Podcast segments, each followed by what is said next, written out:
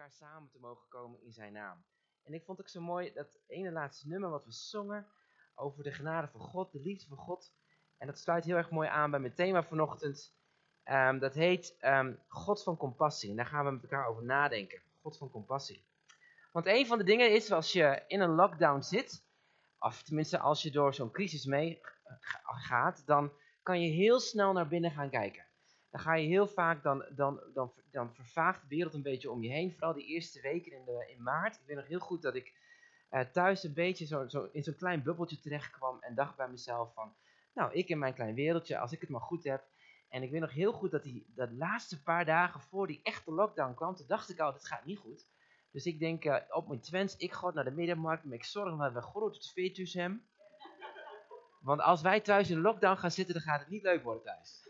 Dus ik heb de laatste minuut nog iets gekocht, zodat we thuis film konden kijken. Nou, we waren helemaal gelukkig, want mijn kinderen hadden, we hadden helemaal geen tv thuis. Dus onze kinderen waren helemaal blij dat we een tv hadden. Maar zo gaandeweg, dan ga je een beetje naar binnen kijken en dan blijf je alleen maar naar binnen kijken. En dan word je een beetje ja, gefocust op jezelf.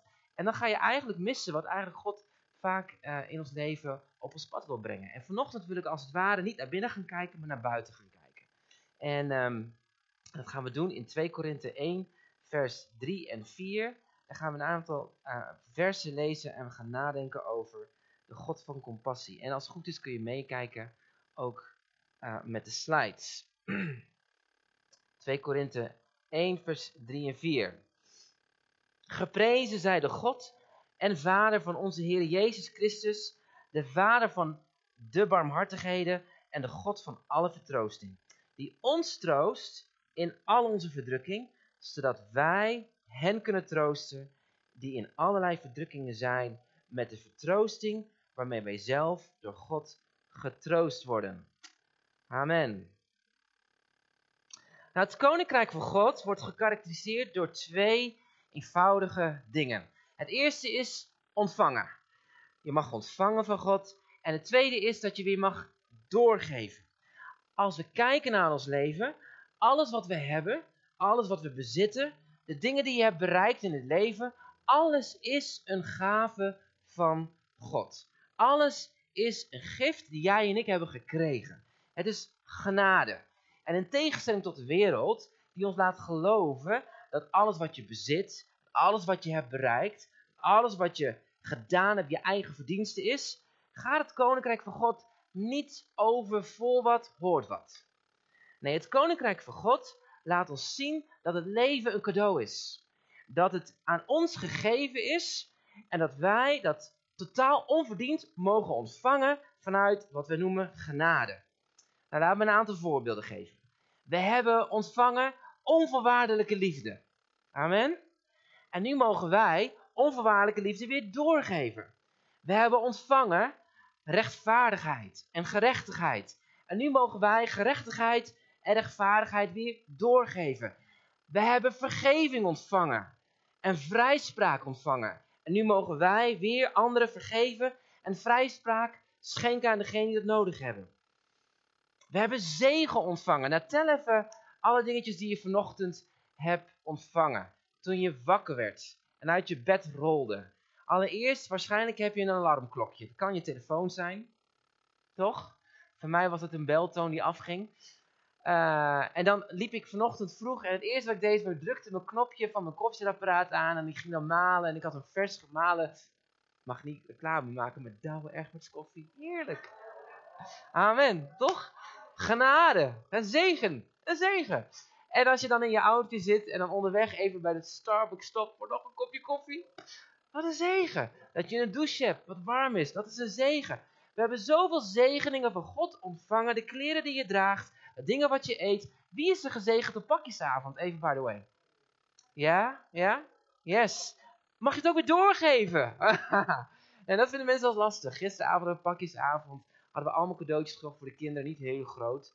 En we hadden één heel groot cadeau in het midden gezet. Dus de kinderen waren helemaal excited van, voor wie is dat grote cadeau?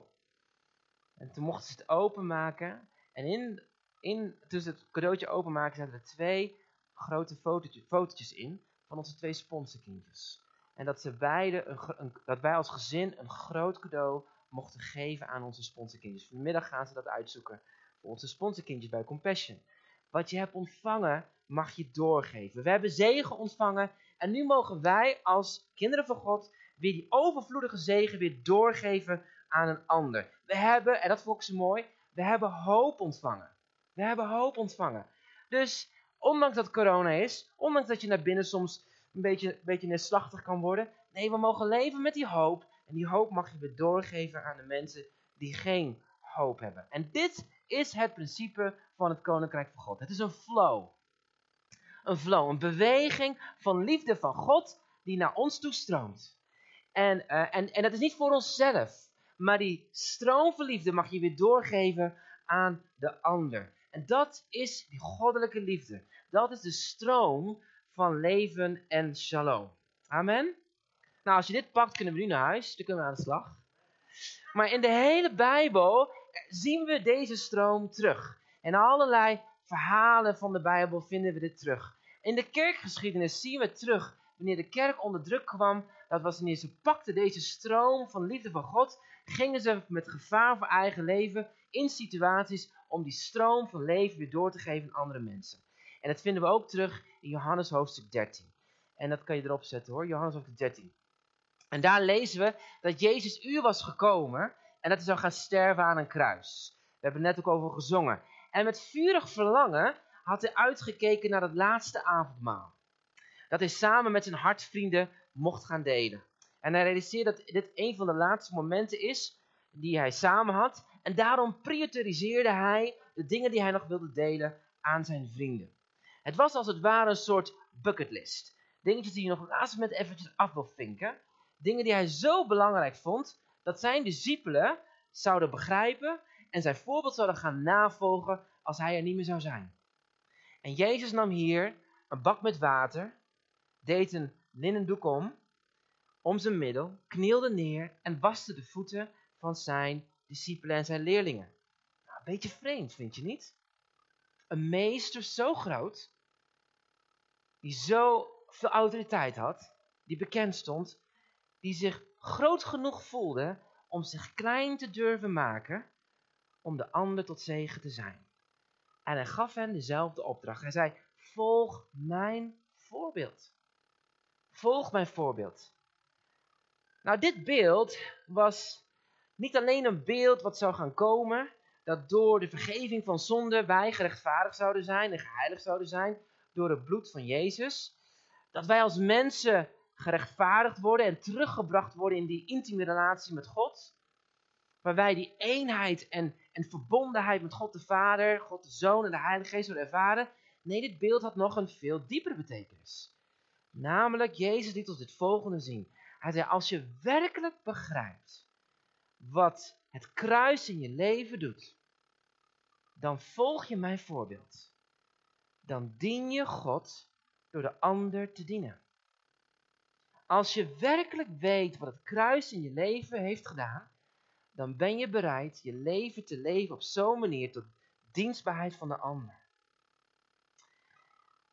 Je ontvangt, wanneer je het kruis ontmoet, een hoger doel. Namelijk om niet langer voor jezelf te leven, om niet langer te leven voor je eigen, om niet langer naar binnen te blijven kijken, maar naar buiten te gaan kijken. En, te, en, te, door te geven wat je ontvangen hebt. Nou, onlangs lag ik een eh, interview van een, eh, een, collega van ons die zijn leven compleet had omgegooid. Deze man was een, ehm, een, militair geweest, later een, belangrijke politiebeambte. En op een gegeven moment had hij zijn uitdagende baan had hij aan de kant geschoven en met zijn gezin verhuisd naar India. Want hij wilde daar gaan werken met een team wat speciaal van undercover agenten die kleine meisjes in de seksslavernij uh, bevrijden uit huizen waar deze kinderen zaten uh, gevangen zaten. En uh, met tranen over zijn wangen omschreef hij de volgende, uh, beschreef hij het volgende. Hij zei, ik heb angstige en gewelddadige situaties meegemaakt in mijn leven. Maar dit is niks vergeleken met de angsten die wij als team vandaag de dag meemaken als wij de huizen binnengaan waar deze meisjes vastzitten. Het is alsof de hel over je heen komt. En alles waarvoor je leeft en alles wat je lief is, Daar vrees je in één keer voor. Je bent bang. Maar weet je, ik kan gewoon niet anders. Ik kan niet anders dan die huizen binnengaan om die meisjes te bevrijden. Van drie, vier, vijf jaar oud. Want dit is toch wat Jezus voor mij heeft gedaan. Hij stapte mijn hel binnen. Hij stapte mijn duisternis binnen. En daarom wil ik die hel binnenstappen. Om die meisjes te redden uit de handen van de boze. Weet je wat nou zo interessant is aan deze flow van ontvangen en doorgeven? Er zit iets goddelijks. Toen de schrijvers in de Bijbel nadachten over hoe ze God moesten omschrijven, omschreven ze God in de volgende woorden. En die kunnen we vinden in Psalm 145 en in andere passages in de Bijbel. En er staat in, genadig en liefdevol is de Heer. Hij blijft geduldig en groot is zijn trouw. Goed is de Heer voor alles en allen. Hij ontfermt zich over zijn schepping. Het woord waarmee de schrijvers in de Bijbel Gods karakter omschreven is het woord barmhartigheid. Wat wij ook wel vertalen in onze nieuwe vertalingen met ontferming, genade of tot tranen toegeroerd zijn. Het woord barmhartig in het Hebreeuws betekent ook wel rachamim of rachum, wat zijn oorsprong heeft in, zijn, in, het, in een diepere betekenis. Dat betekent rechem, wat betekent baarmoeder. Nou, dit laat ons zien dat het woordje compassie, zoals wij het kennen, of barmhartigheid, in de kern van Gods bestaan is. Het is als het ware de motor waaruit God zijn liefde laat zien, zijn trouw laat zien. Het is, het is dat wat brandstof geeft aan de passie die hij heeft voor jou en mij.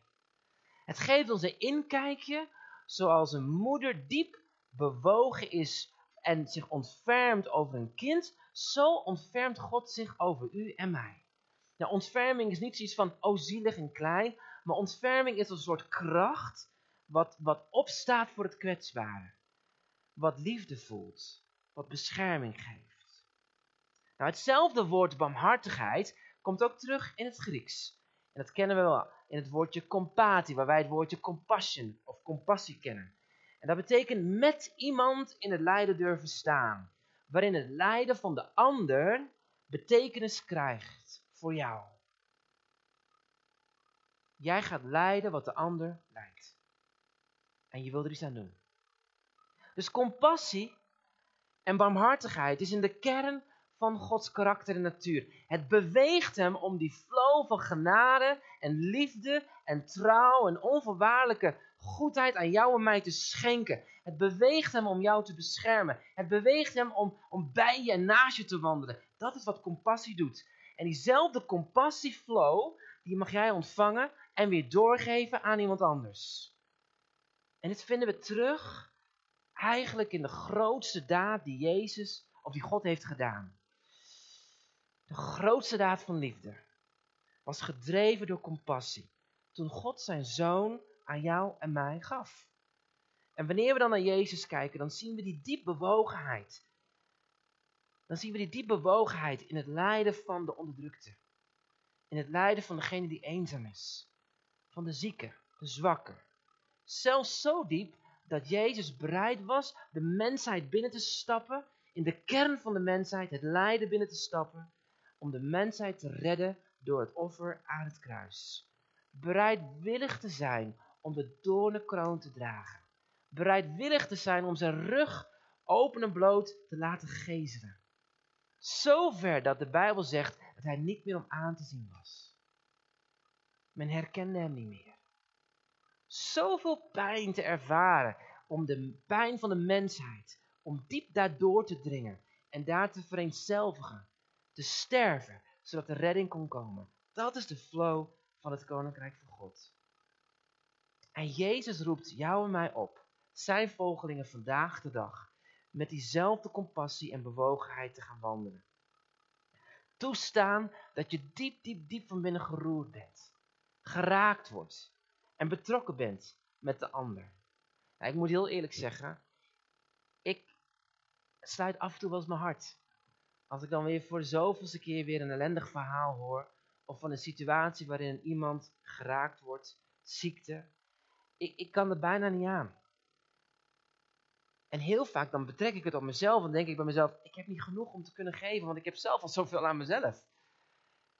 Maar om jezelf te laten raken, diep geroerd te worden zoals Jezus geroerd is met jou, met mij, met het lijden van deze mensheid. En daar tot in beweging te laten komen. Diep geraakt zijn. Diep geraakt zijn met de kleine jongen die geen vader meer heeft. En het is bijna kerst. Diep geraakt zijn met het meisje dat op school zo gepest wordt omdat ze een beugel draagt. Diep geraakt zijn met de buurvrouw die haar man verloren heeft. Met de jonge vrouw die depressief thuis zit. Diep geraakt met de man die ernstig ziek is.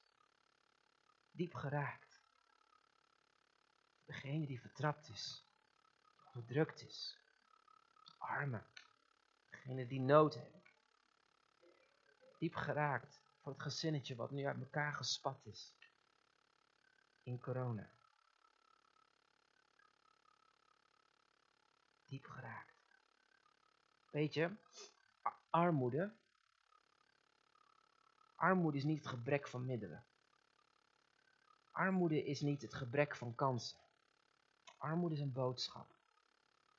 Een boodschap die zegt dat je niet waard bent. Een boodschap die de God gegeven waarde, de waarde die God jou en mij geeft, steelt. En zegt, je bent niks waard. Als God zegt, je bent geliefd, dan zegt armoede, je bent het niet waard om geliefd te zijn. Als God zegt, je bent van onschatbare waarde voor me, dan zegt armoede, je bent zo waardeloos. Net als die hond die gewoon van de vuilnis eet. Je bent zelfs minder dan die hond. Als God zegt, met mij kan je alles doen, dan zegt armoede, mm, ik kan tot niks in staat zijn. Hoezo? Denk je dat je echt een goed huwelijk hebt? Ja, ouders scheiden. Ja, openomen scheiden. Jij zal ook scheiden. Armoede rooft je van de waarde die God je geeft. Als God tegen jou zegt, ik hou van je. Je bent mijn zoon en mijn dochter. En, en, en ik heb mijn zoon gegeven om dat te bewijzen aan jou. Dan zegt armoede, God heeft jou verlaten. God had alleen maar van de rijken. God alleen maar van de heiligen. Niet van degene die fout maken. Armoede voedt fatalisme. Voedt apathie.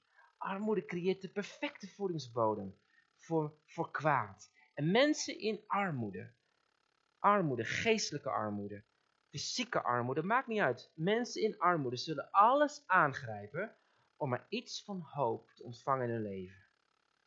Ouders die hun kinderen verkopen aan een rebellenleger voor de belofte van een zak mais in Sudan. Jonge meisjes in de afgelopen weken. In corona, 2, 3, 4, 5, 6 jaar oud, die voor een webcam geplaatst worden. In de Filipijnen, zodat de familie weer één week van lockdown kan overleven. Door de opbrengsten van de online plezieren van mensen in het Westen.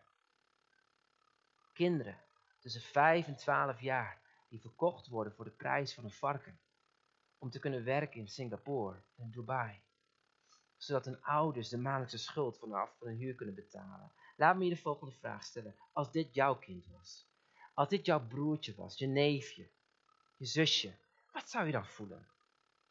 En wat zou je dan doen? Misschien moeten we de vraag omdraaien. Als dit jouw nood was, wat zou je willen dat mensen zouden doen voor jou? 1 Johannes 3, vers 16 en 17 zegt het volgende. Hieraan erkennen wij de liefde dat Hij voor ons zijn leven heeft gegeven. Ook wij moeten voor de broeders het leven geven. Een andere vertaling zegt broeders en zusters. Wie dan goederen heeft van de wereld en zijn broeder of zuster gebrek ziet lijden, maar zijn hart sluit, hoe kan de liefde van God in jou blijven? En misschien is dit wel een hele harde waarheid, als we dan zo richting kerst gaan en wij nadenken over Oh, wat zou ik nu voor mijn verlanglijstje vragen? Oh, hoe ga ik mijn kerst inrichten? Oh, wat idioot dat ik niet met mijn familie aan tafel kan. Misschien moet het omdraaien. Welke kansen zijn er voor ons om die flow die wij ontvangen hebben van genade en liefde te kunnen doorgeven aan een ander. Want als je terugkijkt op je leven, dan ga je geen lijstje bijhouden met welke auto je hebt gereden. Echt niet. Je gaat niet bijhouden hoe groot je huis was en hoe duur de verbouwing was van je badkamer. Dan ga je niet aangeven hoe vaak je op vakantie bent geweest. Of hoe groot je kerstmaaltijd was. Als je terugkijkt op je leven, dan ga je bepalen: heb ik heelheid kunnen brengen? Heb ik hoop kunnen brengen? Mag, mocht ik van waarde zijn voor iemand die eenzaam is, die alleen is, die vertrapt is? Dat wat ik heb ontvangen, heb ik dat kunnen doorgeven? Dat wat ik heb ontvangen, heb ik daarmee een leven mooier kunnen maken? Dat van een ander. Maar nu de vraag: wat als je zelf nood hebt? Wat als je zelf de moeilijke dingen heen gaat? En je gevoel hebt, ik heb maar vijf kruimeltjes en twee graadjes. Ik heb niet meer om te geven. Ik heb niet een overvloeiende bankrekening. Weet je, het zit hem vaak niet in de grootte van wat we doen. Het zit hem in het kleine. Die ene knipoog. Die handoplegging. Die huk. En ja, het is corona. Het is lastig. Maar een kaartje kan ook.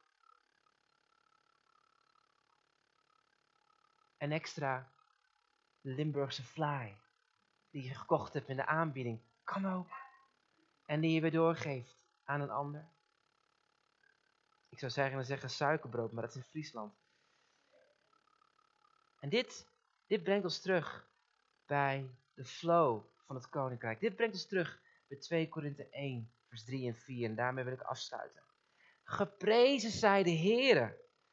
Geprezen zij de God en Vader, onze Heer Jezus Christus. De Vader van alle barmhartigheden, van alle genade en ontferming. En de God van alle vertroosting. Die ons troost.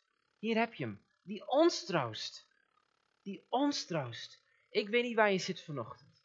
Ik weet niet hoe je staat in je leven met de Heer. En waar je tegenaan vecht. Wat je moeilijk vindt. Wat je pijnlijk vindt. Waar je onder, onder zwaard en druk gaat. Dat je denkt, ik kan er niet meer aan. Maar ik wil je één ding zeggen. Er is één God en Vader die jou kan troosten. En die je hoop kan geven. En jou die vrijheid wil geven. Zodat jij met die troost en die hoop. In alle verdrukking. In alle moeilijkheden. Tot anderen tot troost mag zijn. Amen. Ik wil afsluiten met een klein filmpje wat ik je wil laten zien. Van een dominee die ik ontmoet heb in Peru. Deze man die loopt een beetje, beetje vreemd. Ehm, en hij zal het wel vertellen waarom. Maar hij had het film, we, hebben ontmoet vlak voordat de coronacrisis begon. En aan het eind heeft hij een gebed gebeden voor ons als Nederlanders en leiders uh, in Nederland. Om te begrijpen wat voor hoop je hebt. Laten we naar gaan kijken, kom ik zo bij je terug.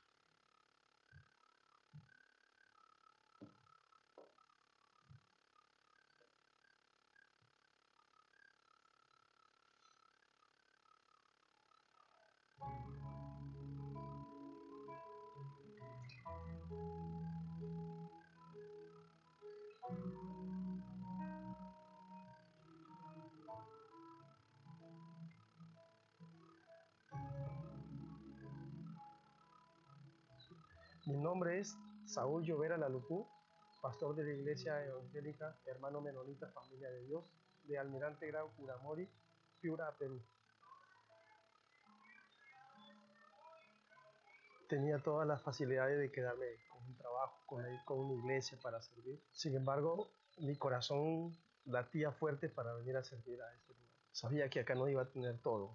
Sabía que aquí había mucha necesidad, pero tomé la decisión de que, como Pablo dijo, sé vivir en abundancia, sé vivir, pero con mucha fe. Sabía que Dios nos iba a levantar. No solo yo quería levantarme, ni solamente la iglesia, sino también soñé varios proyectos que le, titulé Proyecto Vida en Comunidad. Uno de esos era trabajar con niños, otro era trabajar con jóvenes, trabajar con gente discapacitada. Y cuando vine, pasaron como tres años no veía esos resultados tan rápido, no tenía los recursos, pero confiaba que Dios tenía los recursos. Por eso, para mí, Dios ha cumplido todos estos propósitos y lo sigue cumpliendo. A pesar de mis dificultades, a pesar de mis muchas pruebas que he pasado. Cuando yo vine del Paraguay, tenía 11 meses acá sirviendo en la iglesia. Estábamos construyendo parte del templo. Sufrí un accidente y esto fue difícil porque la altura eran como de dos metros y medio al piso y, mi cabeza quedó levantado. El dolor era insoportable. Toda la parte de, la parte de mis miembros estaban endormeciendo. Lo único que le pedí a Dios que me dé fuerza. Me senté, me arrodillé y ahí me quedé porque no podía mover más el cuerpo. Yo le dije a Dios, si ahora es el tiempo que voy a cerrar los ojos, si me ha de llevar, me llevas. Y si me ha de dejar, aunque sea en silla de ruedas, aunque sea inválido, lo que sea, yo te seguiré sirviendo. Me llevaron de emergencia al hospital y al día siguiente me hicieron una operación en la columna.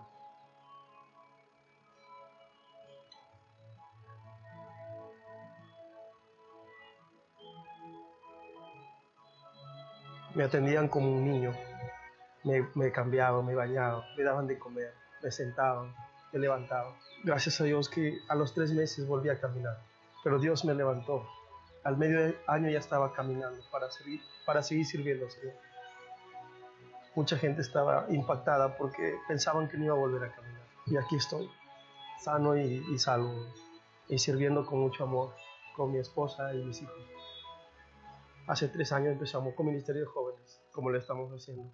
También trabajamos con discapacitados. También estamos uniendo jóvenes y líderes de las otras iglesias para cada día salir adelante.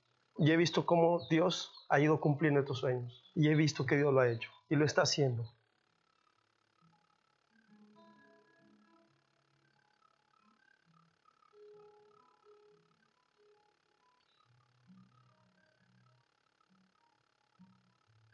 Estimados pastores y hermanos, yo les bendiga. Después de haber visto mi historia, en la cual Dios estuvo conmigo y ha estado en todo tiempo en dificultades, hoy quiero animarles a ustedes. Quiero decirles que sigan adelante. Todos pasamos estas pruebas duras que hoy nos ha tocado vivir.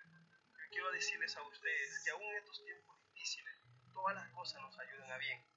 La Biblia dice en Romanos 8:28, y sabemos que a los que aman a Dios, todas las cosas nos ayudan a bien. Esto es, a los que conforme a sus propósitos son llamados. Adelante mis hermanos, todo lo podemos con nuestro Dios que nos fortalece. Que Dios los bendiga, que Dios los cuide y los guarde, que Dios los levante en cada momento, que Dios les dé sabiduría en todo tiempo. Gracias y que Dios les bendiga.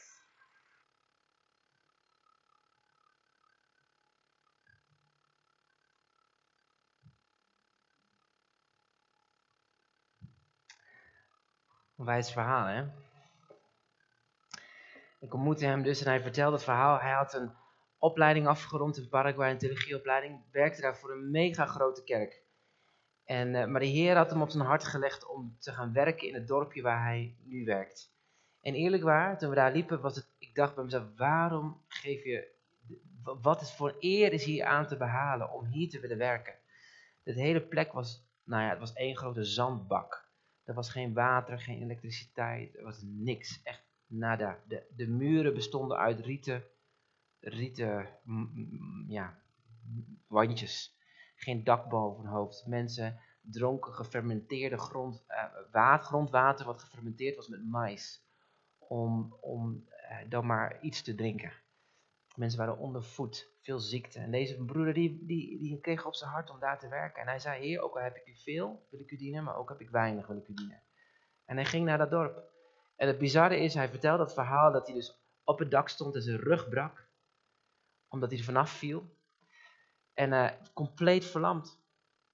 En het apart is, hij was in die maanden dat hij daar kwam, hij kon niks, hij moest geholpen worden.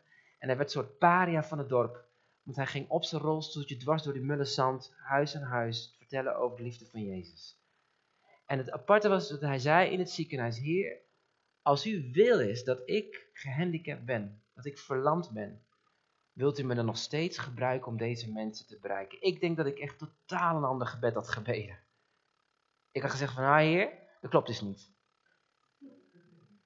Dit is niet volgens afspraak. Maar hij bad dat gebed. Als het uw wil is, dat ik verlamd ben, gebruik me. Dit spreekt van mij wanneer je het kruis hebt ontmoet en je weet wat je hebt ontvangen, dan kan je niks anders zeggen dan Heer, hier ben ik. Gebruik mij. Zend mij. Ook al ben ik maar mens en heb ik fouten en falen. Maar Heer, hier ben ik. Mag ik die genade die ik heb ontvangen van u, de vrijspraak, de liefde, de hoop en de troost, mag ik die doorgeven. Weet je, als je zo in je geloof wandelt, dat noemen we in de theologie descending. Dat betekent naar beneden dalen. Dat betekent afleg. Dat is eigenlijk wat Johannes zei. Eh, ik moet minder worden. Hij moet meer worden. Dat is ootmoed. Dat is verontmoediging. Daar ga je niet meer discussiëren over onzinnige theologietjes en eindtijdtheorietjes. En wanneer Jezus dan wel of niet terugkomt en je botst met elkaar over weet ik wat voor onzin in de kerk. Nee, dan ga je de harde zoeken. Dan ga je verbinden. Dan word je één. Eén in het lijden, maar ook één in de opstanding. Zullen we onze ogen sluiten? Vader, dank u wel. Voor de weg die u liet zien. De weg van nederigheid, zoals we dat ook zongen. U daalde neer van uw troon. En u werd een mens zoals wij. En u had ons zo lief dat u zelfs de dood in de ogen durfde te kijken. En te sterven u ontledigde zichzelf volledig. Maar gelukkig stond u ook weer op. En in datzelfde diepte mogen wij u volgen. Om ons leven niet langer lief te hebben. Maar zoals Paulus zou zeggen, ja, ik leef niet meer, maar Christus leeft in mij. Met diezelfde liefde willen wij, Heer, die flow van u ontvangen en mogen doorgeven. Zoals we ook onze broeders zagen uit Peru en vele anderen met ons. Dat het om één ding gaat, dat we weten hoe geweldig groot uw liefde is. En hoe geweldig groot uw genade is. In Jesus' name. Amen.